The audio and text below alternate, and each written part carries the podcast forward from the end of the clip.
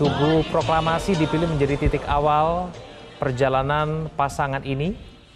Dan tampak di layar kaca Anda Ketua Umum PDIP Megawati Soekarno Putri didampingi oleh Ketua Umum Partai Hanura Osman Sabta Odang, ada Sekjen PDIP Hasto Kristianto bersama dengan PLT Ketua Umum P3 Mardiono tadi dipastikan juga akan turut hadir mendampingi pasangan Baca Pres dan Baca Pres Ganjar Pranowo Mahfud MD.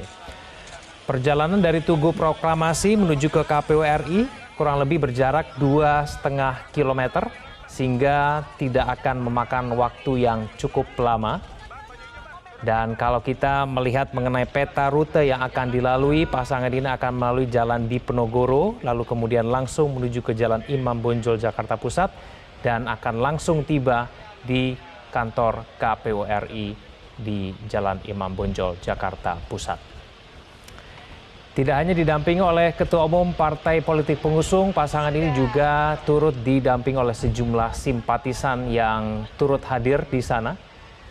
Jelajahi cara baru mendapatkan informasi. Download Metro TV Extend sekarang.